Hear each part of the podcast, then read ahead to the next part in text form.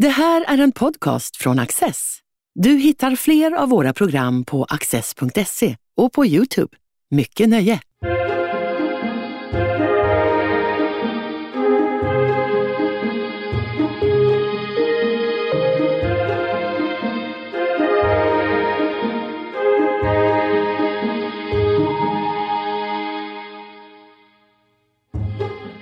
En tid präglad av rationell planering och demokratiska jämlikhetskrav framstod humanisterna som marginaliserade och på kollisionskurs med 1900-talets stora berättelser och framtidsvisioner. Hampus Öst Gustafsson disputerade nyligen i idé och lärdomshistoria vid Uppsala universitet. Han har undersökt humanioras legitimitet i svensk kunskapspolitik under 1900-talets mitt. Är humaniora folkhemmets styvbarn? Hampus Öst Gustafsson, välkommen hit. Tack så mycket. Din avhandling Folkhemmets styvbarn tecknar en bitvis ny bild av humanioras historia i Sverige. Vad var det du saknade i historiebeskrivningen? Ja, det är inte så att det saknas eh, vad ska man kalla det för, historiska utsagor om humanioras historia i Sverige. Under ganska många decennier nu så har det förts väldigt många debatter om humanioras status i samhället eh, där man har tagit sig an den frågan på olika sätt. Men eh, problemet med många av de här debatterna tycker jag är att de har varit ofta ganska anekdotiskt baserade och man har använt sig av ganska svepande, långa historiska utsagor. Så jag kände att det saknades eh, empirisk systematik kan man säga, i genomgången av de här debatterna. Och dessutom så tyckte jag att eh, man ganska tidigt kunde urskilja att det fanns två huvudläger kan man väl säga egentligen. Å ena sidan ett läger som skyllde många av humanioras problem på nyliberalismen och new public management under 80-talet. Å andra sidan ett läger som mer fokuserade på eh, den nya vänstern kring 68 och postmodernismen och så vidare. Eh, men det som jag ganska snabbt märkte när jag började fördjupa mig i de här debatterna, det var att det fanns mer strukturella problem kan man väl säga, som eh, man kan spåra ända tillbaka till 30-talet och förmodligen ännu längre än så. Så på det sättet tyckte jag att eh, det behövdes ett mer grundligt kunskapsunderlag helt enkelt för att få en bild av vad det egentligen är som skett med humaniora i Sverige under 1900-talet. Du börjar ju 1935 med den här mm. avhandlingen, men redan tidigt i avhandlingen så citerar du faktiskt Sokrates tal ja. som du menar fortfarande två och ett halvt årtusende senare influ så influeras debatten av mm. det som Sokrates sa. Så vad sa Sokrates och varför är det så här?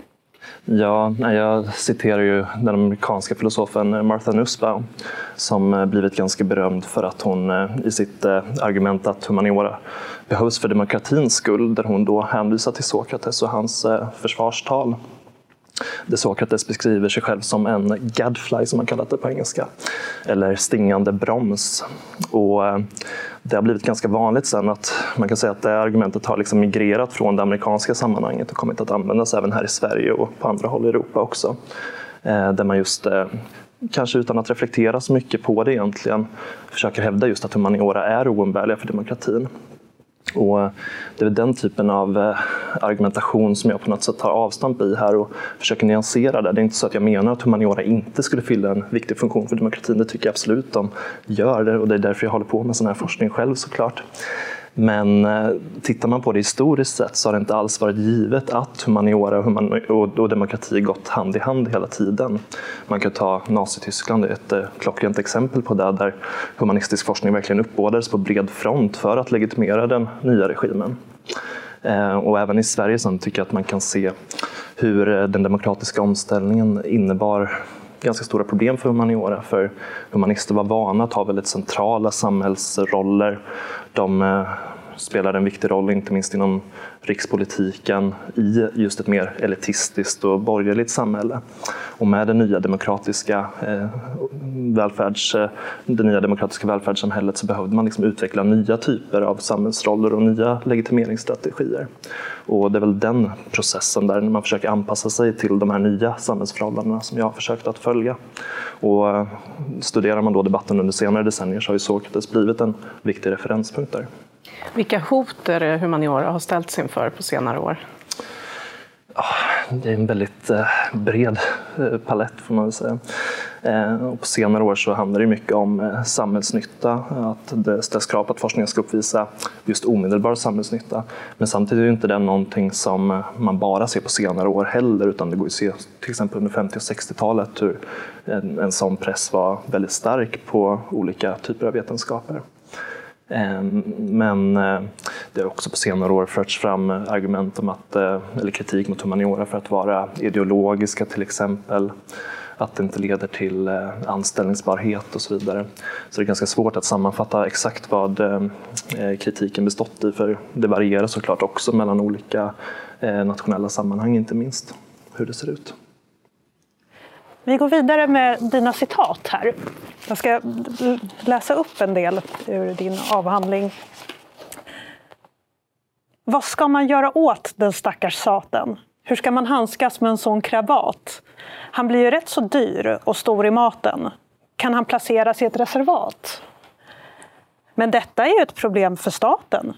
I väntan på en lösning, och kamrat, när natten bryter in på förstukvisten, ställ ut en tallrik gröt åt humanisten. Vad menade Tage Danielsson och varför är han med här? Precis. Jag tycker det är väldigt roligt att någon mer fastnar för just det citatet eh, som kommer från en längre dikt som eh, Tage Danielsson läste upp eh, ursprungligen tror jag när han blev hedersdoktor vid Linköpings universitet 1980 om jag minns rätt och sen publicerades den där dikten i tidskriften Tvärsnitt också. Och eh, det här kan man se som, den här dikten kan man se som en eh, väldigt tydlig protest mot den tidens diskussioner om humaniora där man då prioriterade tekniken istället och eh, humanisterna framställdes som någonting otidsenligt kan man väl säga. Som just gamla tomtar i många fall då som Tage Danielsson tar fasta på här. Och den här dikten kan man väl, så som jag tolkar den, se lite som en form av aktivist då, eller en protest här, liksom, där man verkligen försöker vända på de här nidbilderna och visa hur eh, absurda de blir när de dras så pass långt. Så det är väl på något sätt, jag använder den i mitt eh, slutkapitel i avhandlingen, så det är väl, jag använder det lite som en slutpunkt på något sätt för att eh, sammanfatta de här nidbilderna som jag har sett eh, successivt eh, växte fram under de efterkrigstida decennierna. I valet av titeln Folkhemmets styvbarn så har du inspirerats av Per Albin Hanssons eh, berömda folkhemstal mm. från 1928. Varför har du valt att ta avstamp just där?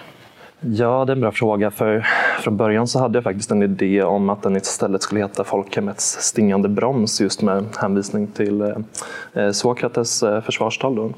Men så småningom så kom det här demokratispåret är väldigt viktigt i avhandlingen men på något sätt så kom jag också att successivt märka att det här blev lite mer av en historia om det svenska välfärdssamhället i bredare bemärkelse också. Och då tyckte jag att eh, Per Albins berömda folkhemstal där var en väldigt bra startpunkt också eftersom det hölls 1928 om jag inte minns helt fel. Ehm, precis innan min undersökning eh, inleds också. Och eh, i det här talet så hävdar ju Per Albin då att det svenska folkhemmet inte ska känna några styrbarn. Men som forskning under ett antal decennier nu har visat så fanns det definitivt många grupper som inte kom att inkluderas i det här svenska välfärdsprojektet. Och eh, humaniora är ju en av de grupperna kan man definitivt säga då. Även om eh, humaniora också haft en, man ska komma ihåg när man pratar om humanioras marginalisering eller kris under 1900-talet att eh, det beror lite på hur man ser det. Man skulle samtidigt också kunna se det som en enorm framgångssaga. För hela universitetsvärlden expanderar ju något enormt under efterkrigstiden, framförallt under 60-talet och sen under 90-talet. Och humaniora kom verkligen att ta stor del av den expansionen. Men kanske inte riktigt lika mycket som vissa andra ämnen gjorde. Så i relation till vissa andra ämnen så kom humaniora att framstå som någonting mer marginaliserat. Men i absoluta tal så är ju humaniora någonting mycket mer större och utbrett idag än vad det var på 30-talet såklart. Du talar om en kunskapspolitisk upprustning. Mm. Eh, kan du berätta lite om det? Ja, men det är just det som eh, jag urskiljer under 30-talet och 40-talet eh, till en början. Och eh, tidigare så eh, har man fokuserat mycket på hur eh, det skedde en forskningspolitisk upprustning under 40-talet när man sjösätter olika forskningsråd inte minst. Eh, sen har det väl också i vissa andra sammanhang uppmärksammats hur det börjar ske vissa större utbildningsreformer på 30-talet också.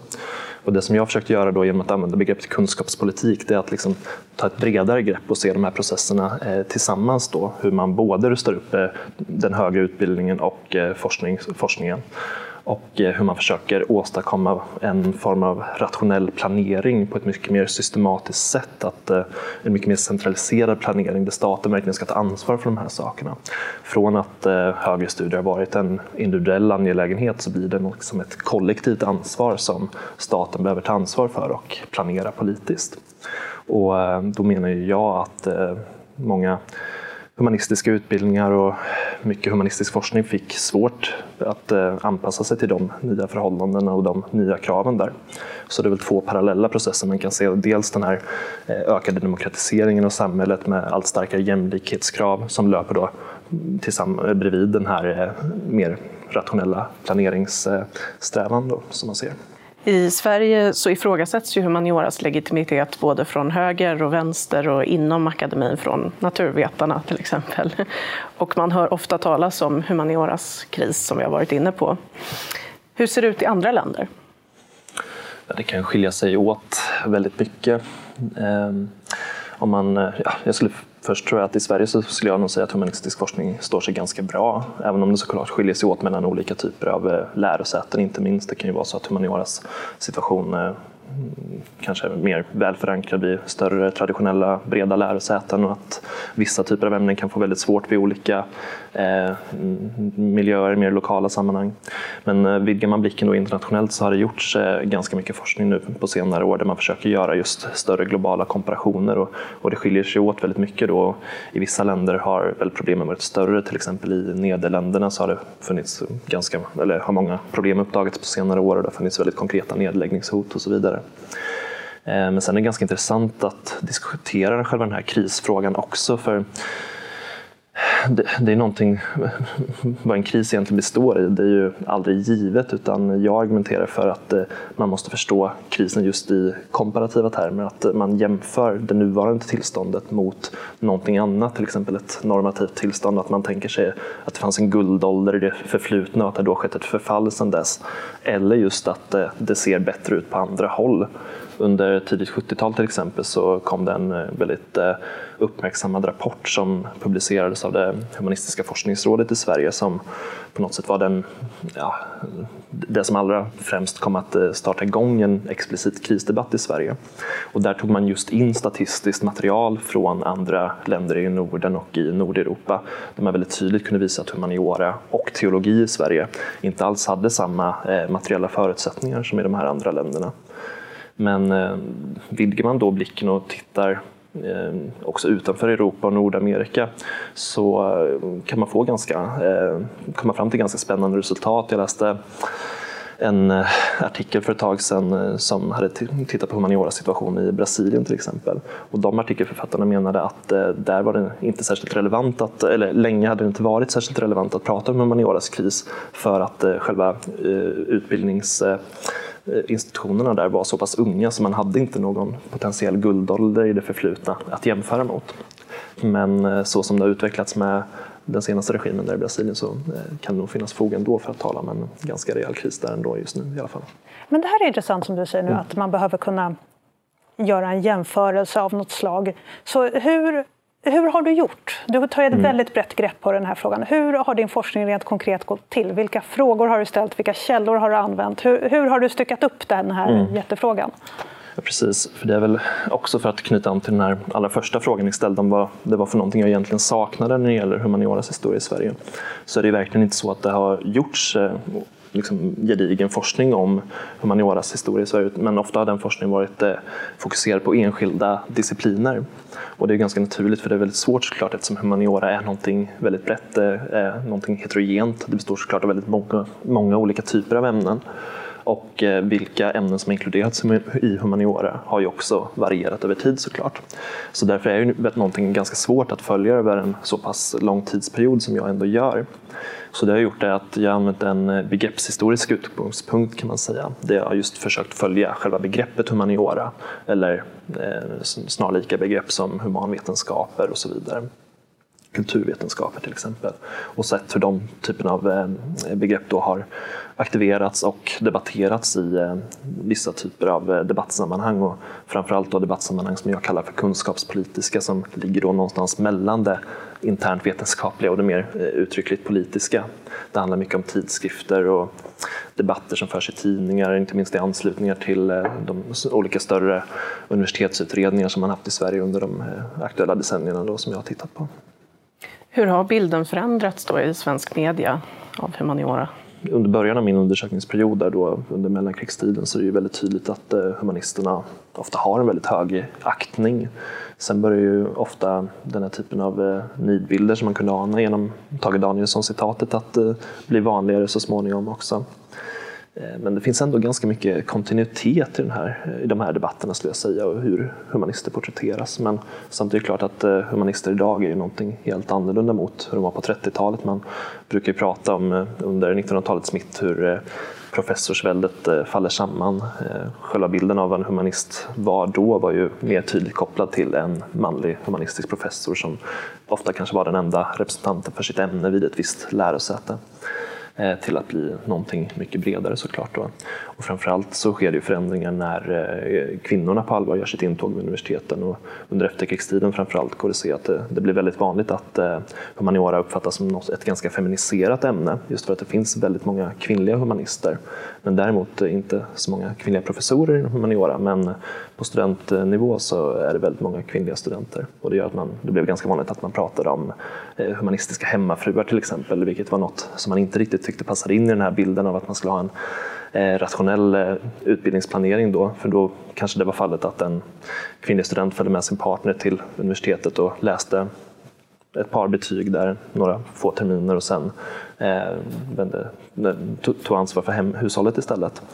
Eh, och det passar inte alls in i den här eh, rationalitetsideologin. Då. Du lyfter ett konkret exempel ur eh, mm. publikationen Svensk tidskrift, mm. där vid 30-talets början så var det kritik mot det humanistiska professorsväldet. Ja, och det är ändå liksom en, en ganska konservativ plattform och det tyckte jag väl just med det citatet var intressant då att, att även i en sån typ av publikation framfördes kritik mot professorerna. Ofta har man kanske pratat om att det framförallt är i samband med den riktigt stora studentexpansionsvågen då under tidig efterkrigstid efterkrigstid under 50-60-talet som man kan se att eh, det så kallade professorsväldet börjar rämna. Eh, men eh, när jag har följt de här debatterna systematiskt då så har vi kunnat se att det faktiskt finns exempel på sån kritik betydligt tidigare också som är viktigt att lyfta fram. Just apropå den här frågan om att man behöver se de här sakerna längre tillbaka i tid. Mm. Ja, för det var faktiskt en sak som jag hoppade till lite som jag läste i din avhandling. För att man har ju en tendens att eh, under 1900-talet så ser man ju andra världskriget som en mm. sån bärande tröskelhändelse verkligen. Mm. Eh, men du menar att rent kunskapspolitiskt så var inte det ett så himla stort brott, varken i Sverige eller internationellt? Både ja och nej. Jag tycker att andra världskriget är jätteviktigt i det här sammanhanget och jag har behandlat det även i andra sammanhang utanför eh, själva avhandlingen.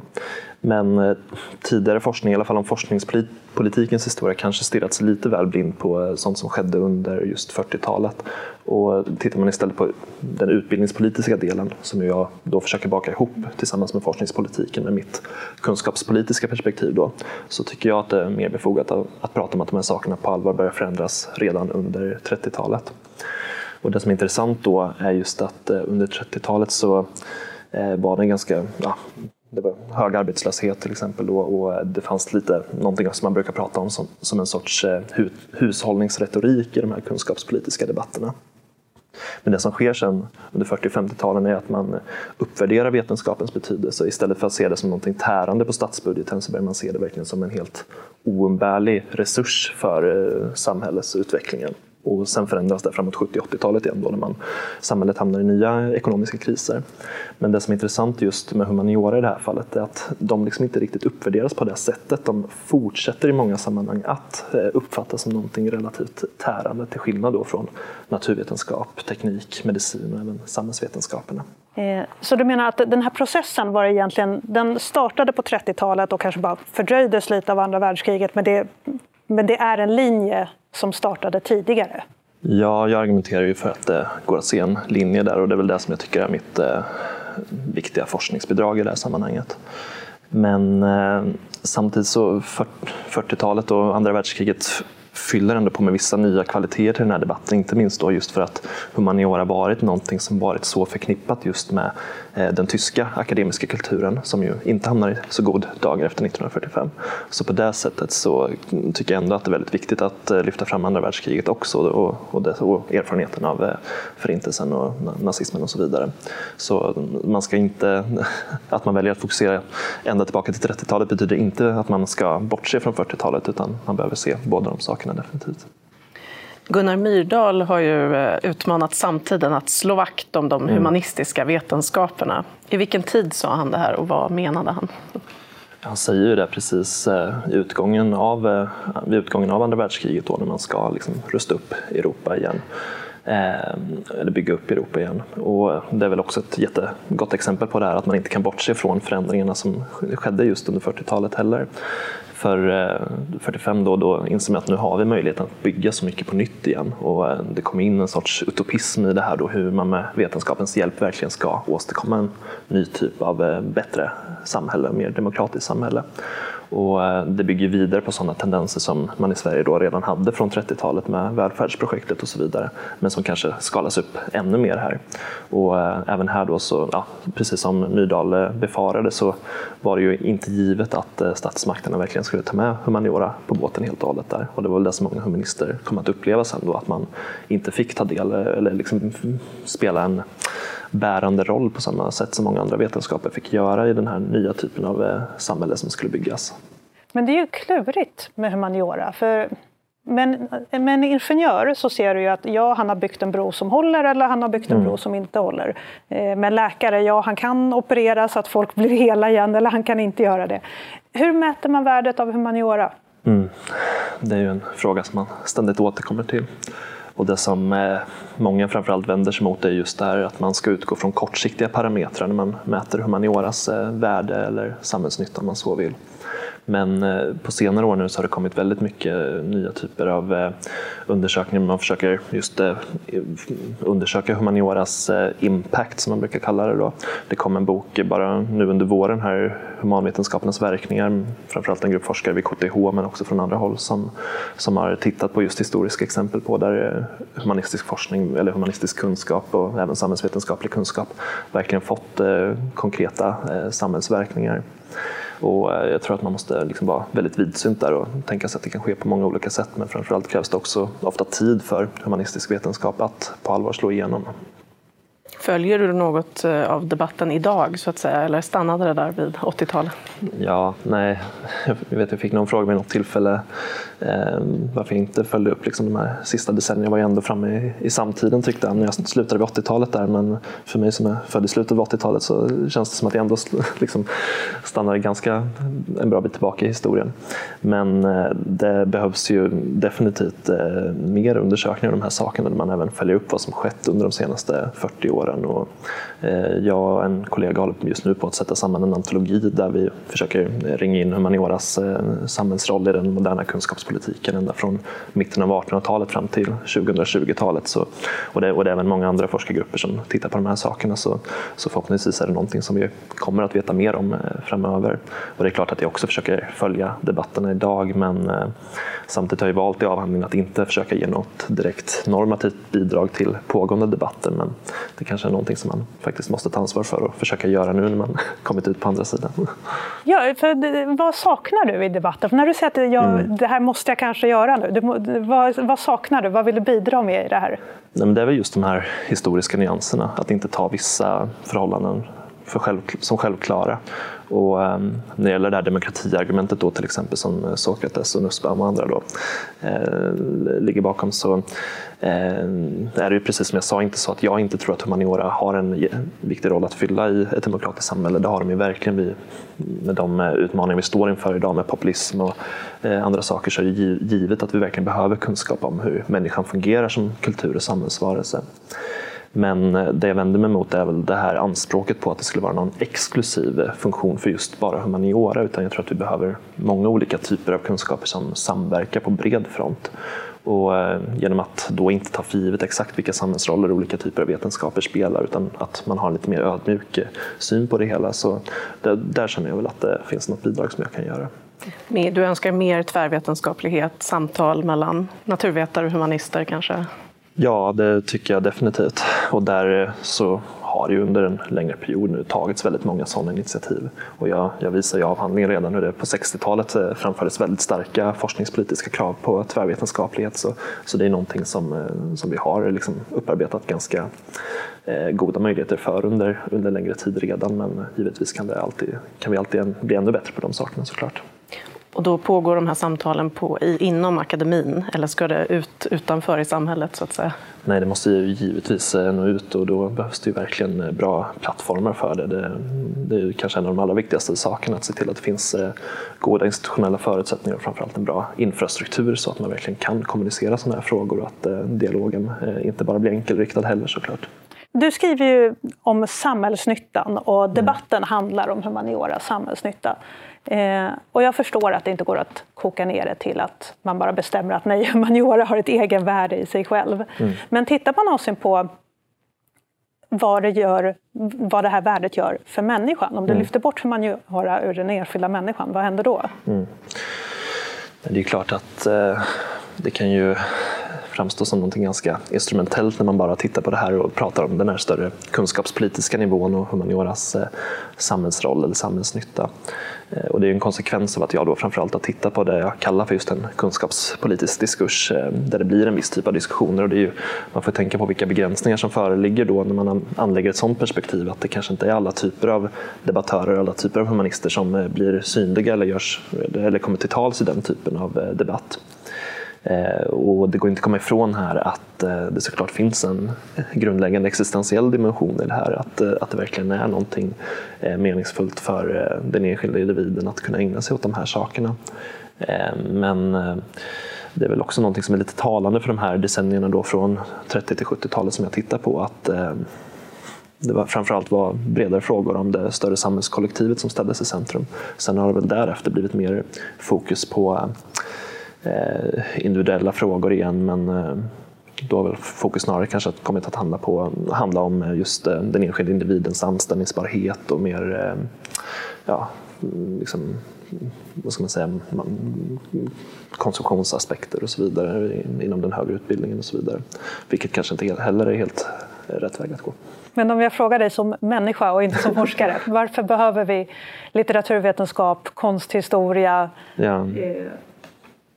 Det är ju såklart så att det vidgar våra sinnen. Och, eh, det finns ju, jag menar på, på vissa andra håll så har det varit ganska vanligt att eh, man oavsett vad man sen ska läsa vid universitetet ofta läser kanske en termin eller något år humaniora eller andra typer av liknande ämnen till en början för att sen börja specialisera sig. Och det, det kan man väl önska att att fler skulle göra här i Sverige. Det, det jag ofta tycker att vi brukar vara ganska eh, enkelspåriga där och tänka att man läser en viss utbildning för att få en viss typ av jobb.